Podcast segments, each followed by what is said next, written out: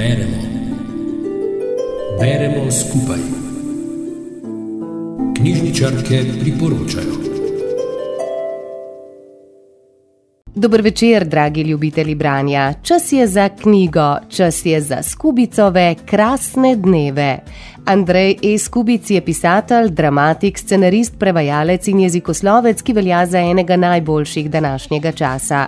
Za svoje delo je prejel nagrado Preširnovega sklada in Župančičevo nagrado, za knjigo Babi nima več telefona, nagrado Večernica, za prevajalsko delo Sovretovo nagrado, za svoje romane Grenki med, Koliko si moja in Samo pridi domov, Kresnika, še večkrat pa je bil zanj tudi nominiran. V romanu Krasni dnevi, ki ga danes predstavljamo, je do dobra prerešetal predvsem družinske odnose.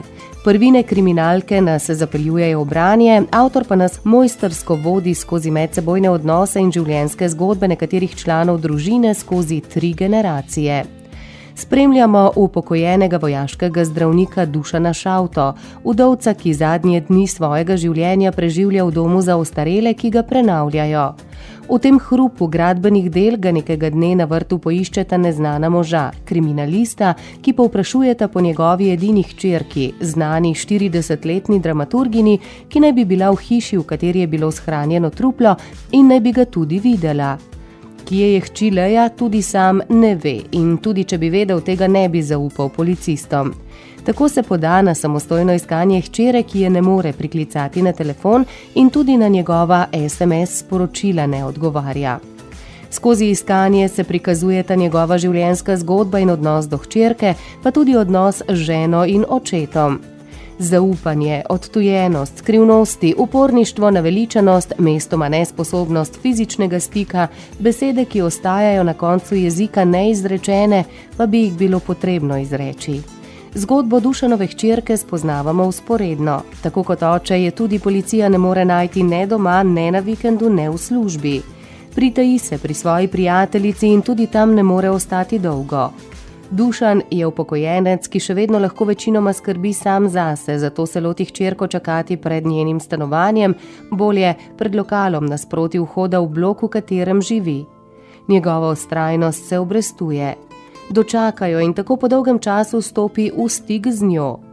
Leja službeno v tem času pripravlja dramaturško analizo za uprizoritev Beketovih krasnih dnevov, po katerih roman nosi tudi naslov, in v tem preizkuša, ali vloga protagonistov, zakoncev v drami ustreza tudi vlogi njenih staršev in se hkrati skuša spraviti s preteklostjo in svojim odraščanjem. Tudi zgodba okrog trupla se nekako razplete, čeprav ne vemo točno, ali je pripovedovanje domnevnega morilca, lejnega intimnega prijatelja, sicer pa moža umorjene ženske, sploh resnično ali ne.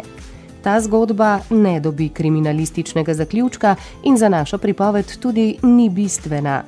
Le nastavi se lahko kot ogledalo odnosov, kakršnih si ne želimo, no, vsaj takšnih zaključkov ne.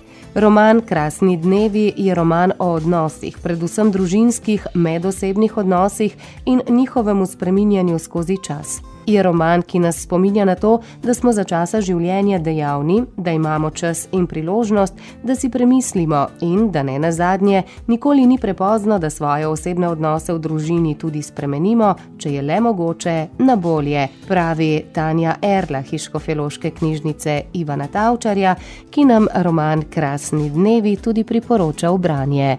Pa lep večer še naprej vam želimo. Rubrika Beremo skupaj nastaja v sodelovanju z Radijem Sora.